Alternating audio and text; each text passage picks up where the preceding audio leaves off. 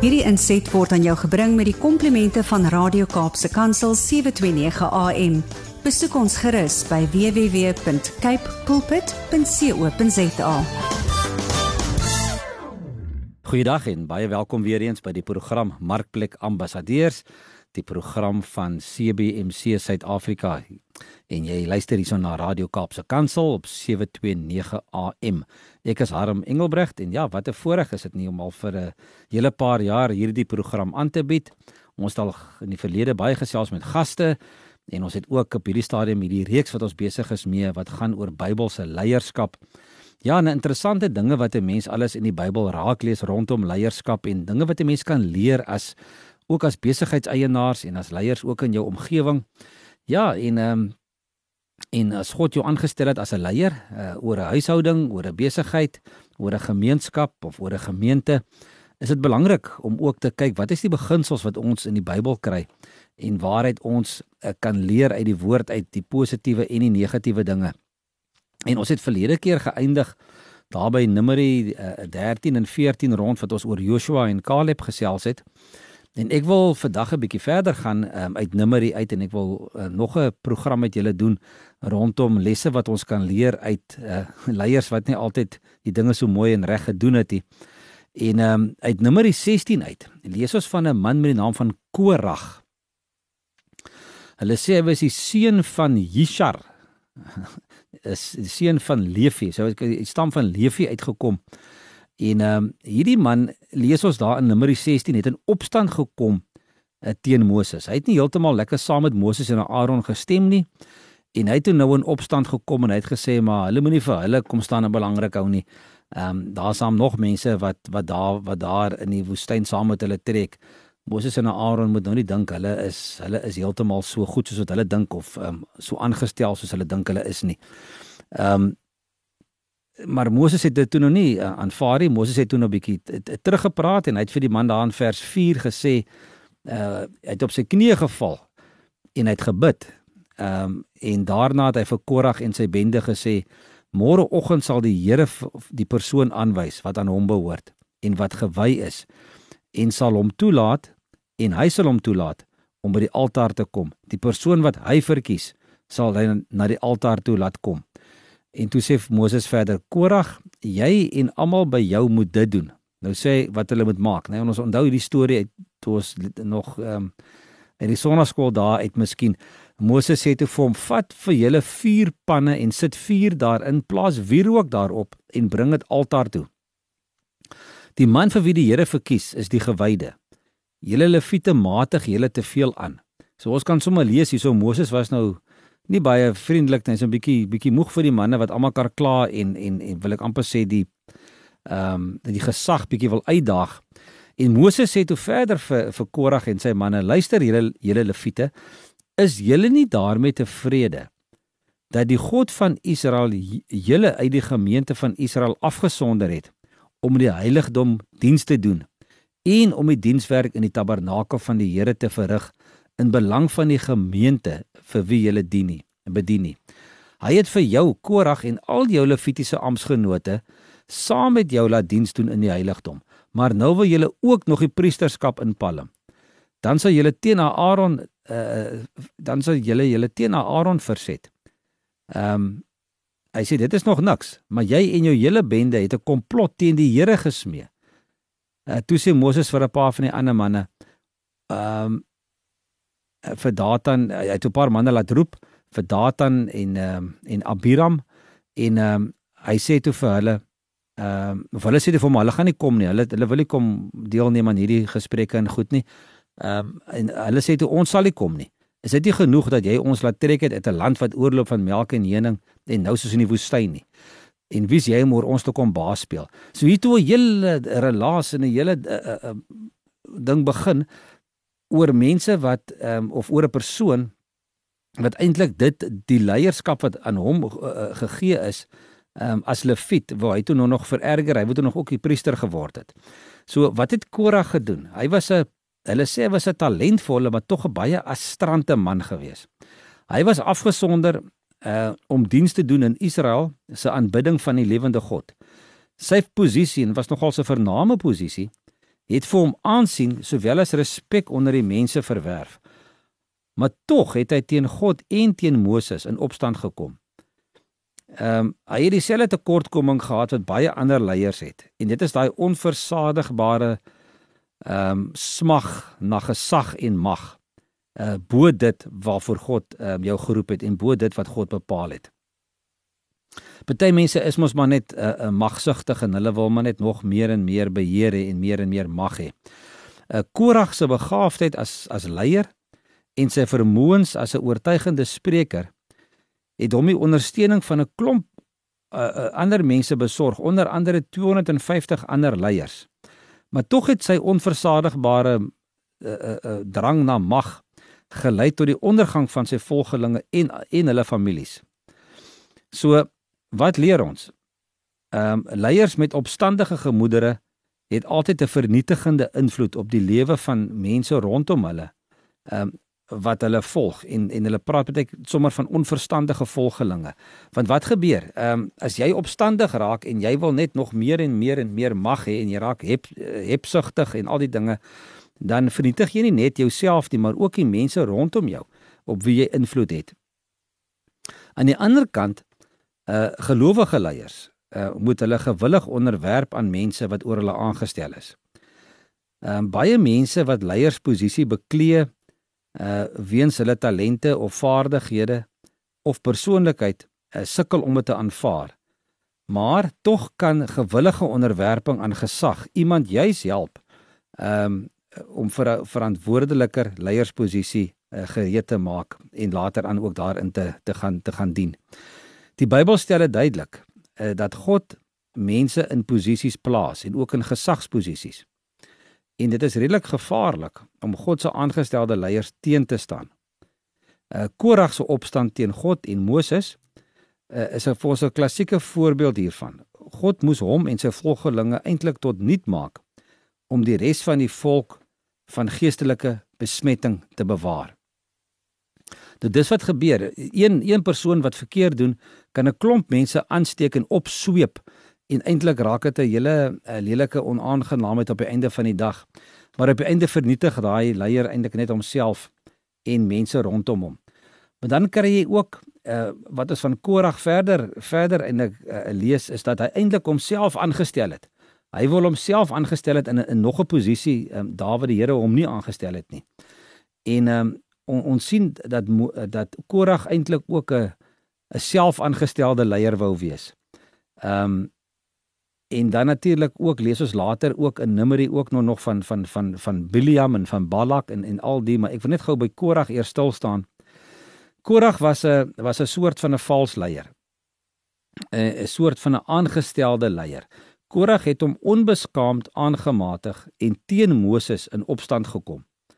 Uh, Korag was eie sinnig, eie geregtig en ehm um, en daai optrede kom algemeen voor onder self aangestelde leiers wat ook op ongeoorloofde maniere mag wil bekom.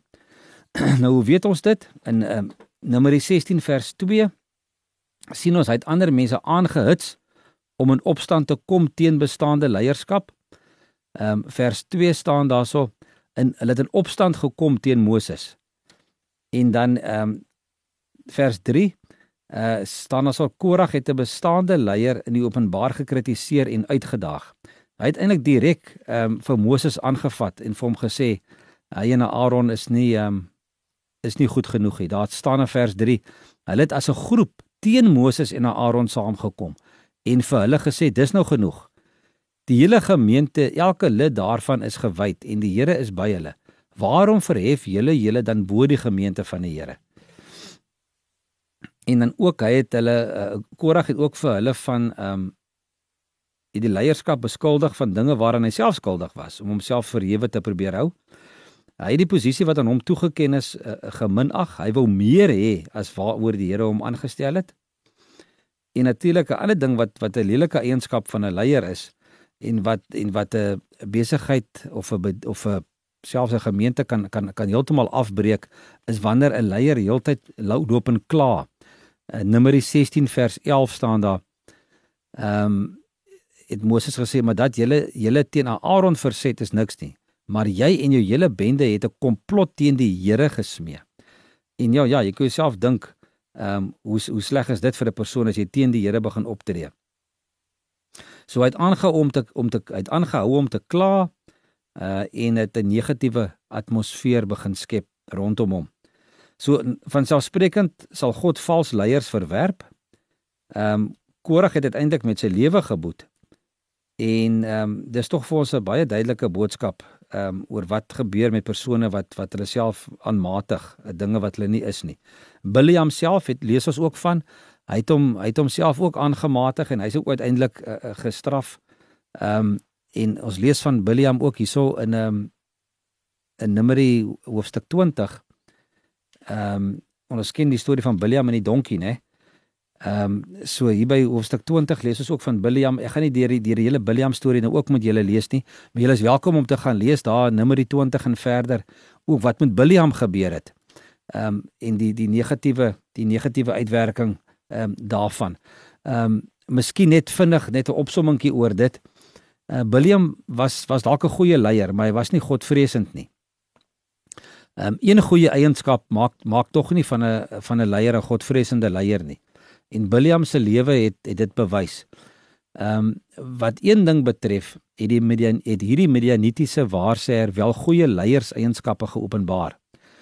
Uh, toe Balak die koning van Midian uh, vir Biliam probeer omkoop om die Israeliete te vervloek, het hy verklaar dat hy net kon sê wat God wat wat God vir hom gesê het om te sê.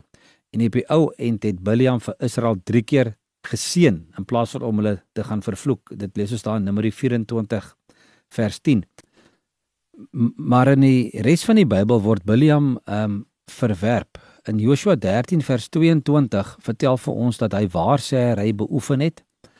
Uh, iets wat in Levitikus 19 verbied word en ook in Deuteronomium 23 en in Joshua 24 ehm um, impliseer duidelik dat Biliam by God toestemming gevra het om Israel te vervloek. Die Nuwe Testament gebruik ook vir Biliam as 'n voorbeeld van iemand wat die regheid pad ver, verlaat en verdwaal geraak het en verklaar dat hy ehm um, oor sy oortredings bestraf is in 2 Petrus uh, 2 vers 15 en 16. So al al het God hierdie towenaar Biliam verhoed om Israel te vervloek, het Biliam tog vir Balak uh, 'n manier gewys om God se seën oor die volk te verwyder. Ehm um, ons lees ook daar verder in Openbaring uh, 2 vers 14 en ook Numeri 25 vers 1 tot 3. Hy het vir Balak geleer om die volk Israel van hom afvallig te maak sodat hulle afgodsoffervleis geëet en onsedelike hede bedryf het. Biliam het uiteindelik uiteindelik toe aan sy einde gekom toe die Israeliete op God se bevel alle manlike Midianiete uh, moes doodmaak in Numeri 31 vers 8. So het hierdie waarsêer ook tot sy dood gekom uh, deur dieselfde mense wat hy probeer vervloek het. So maar net weer eens om te wys wat gebeur as jy ehm um, as jy nie doen wat die Here van jou verwag nie en jouself 'n bietjie bietjie aanmatig. Ehm um, ek wil begin afsluit oor Numeri en net 'n laaste gedagte rondom rondom Numeri. Ehm um, en dit is dat ehm um, daar lees ons ook van van van verder van Biliam wat gebeur het en dat hy ook natuurlik ehm um, nie net kon insien dit wat hy moes doen nie en dat onderskeidingsvermoë nodig was. En ons lees ook dat Biliam 'n gebrek aan onderskeidingsvermoë en aanvoeling gehad het oor wat aan die gebeur was. So as 'n paar punte wat wat Biliam heeltemal die klits kwyt geraak het en jy kan gerus Numeri 22 en 23 gaan lees daarso. Ehm um, die eerste plek Biliam het vir God, Biliam het vir God kwaad gemaak omdat hy hom nie gesteer het uh aan wat hy geweet het reg is nie. En ons as ons gaan kyk in ehm um, Numeri 22 vers 21 staan daar geskryf Biliam het toe die oggend sy donkie opgesaal en met die amptenare van Moab saamgegaan. Ehm um, maar in in die verse net voor dit staan daar by vers 18 Biliam het vir die amptenare van Balak gesê: "Selfs al gee Balak vir my sy paleis vol silwer en goud, mag ek niks doen, klein of groot, teen die opdrag van die Here my God nie. Maar bly julle ook 'n nag oor dat ek kan uitvind of die Here weer met my wil praat." Daardie nag verskyn God toe aan Biliam en sê vir hom: Die manne het nou die manne het nou gekom om jou te kom haal. Gaan saam met hulle, maar jy mag net doen wat ek vir jou sê, wat ek vir jou sê. En dan staan ons op Biljam met die oggend sy donkie opgesaal en met die amptenare van Moab saamgegaan. Ehm um, en dan natuurlik wie lees ons verder in in in in hierdie gedeelte by vers by vers 22. God het kwaad geword toe Biljam gaan en die engel van die Here het vir Biljam in die pad voorgestaan om hom te keer. Biljam het op sy donkie gery en twee van sy amptenare was by hom. Toe die donkie die engel van die Here in die pad sien staan met 'n ontblote swaard in die hand, het die donkie uit die pad uitgedraai en in die veld ingeloop. En toe het Biljam die donkie geslaan om hom weer terug te bring in die in die pad. So die engel van die Here moes letterlik vir Biljam se pad versper om hom te laat stop in vers 23. En dan uh, en dan ook verder hierdie man wat homself 'n waar waarsêer genoem het. Met ander woorde iemand wat dan helder siende sou wees kon mens maar sê in aanhalingstekens kon self nie die engel sien wat reg voor sy oë gestaan het nie, maar die donkie kon hom sien. En dan lees ons verder in vers 25 die volgende stuk. Toe die donkie die engel van die Here gewaar, skuur die donkie teen die muur langs en druk Biljam se voet vas. Biljam slaan hom toe weer 'n keer. So Biljam was so beheers deur sy eie agenda dat hy die donkie begin slaan het toe toe die donkie op die engelse teenwoordigheid begin reageer het. Maar hy self het nog nesiens die engel uh, uh, raak gesien nie. Ehm um, toe staan in vers 26. Toe gaan die engel van die Here verder en gaan staan in 'n nou plekkie waar daar nie kans was enige kant toe uit te draai nie. Die donkie uh, het die engel van die Here gesien en dit onder Biljam gaan lê. Biljam het so kwaad geword dat hy die donkie met 'n stok geslaan het. Toe laat die Here die donkie praat. En die donkie sê vir Biljam: "Wat het ek jou aangedoen dat jy my nou al 3 keer geslaan het?" En Biljam antwoord hom: "Jy hou my nie jou my vir die gek. As ek 'n swaard gehad het, het ek jou nou sommer doodgemaak." En toe antwoord die donkie nou weer vir Biljam. Dis eintlik so halwe as jy hierdie storie lees, dink jy, "Ja, wat wat wat 'n snaakse storie." Ek meen, jy moet eintlik maar lag eintlik vir vir vir Biljam se optrede. Ehm um, want hy was totaal onbewus van die gevaar waarin hy is. Ehm um, en God het toe sy donkie laat praat. Ehm um, en en ek en, en ek weet nie of William ooit iewers besef het maar hoe my genigtig by donkie praat en hy wil glad met my.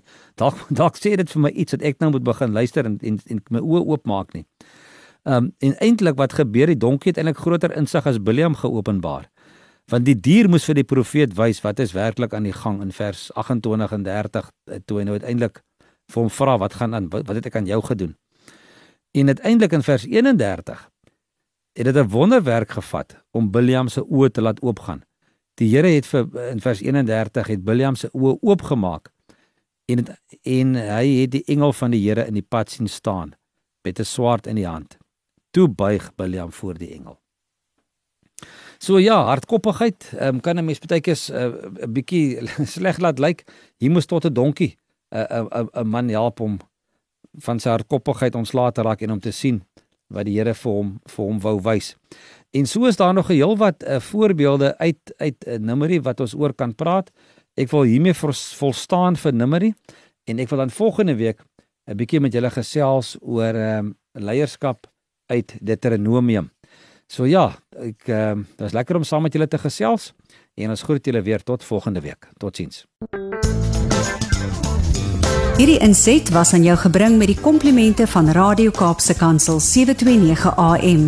Besoek ons gerus by www.cape pulpit.co.za.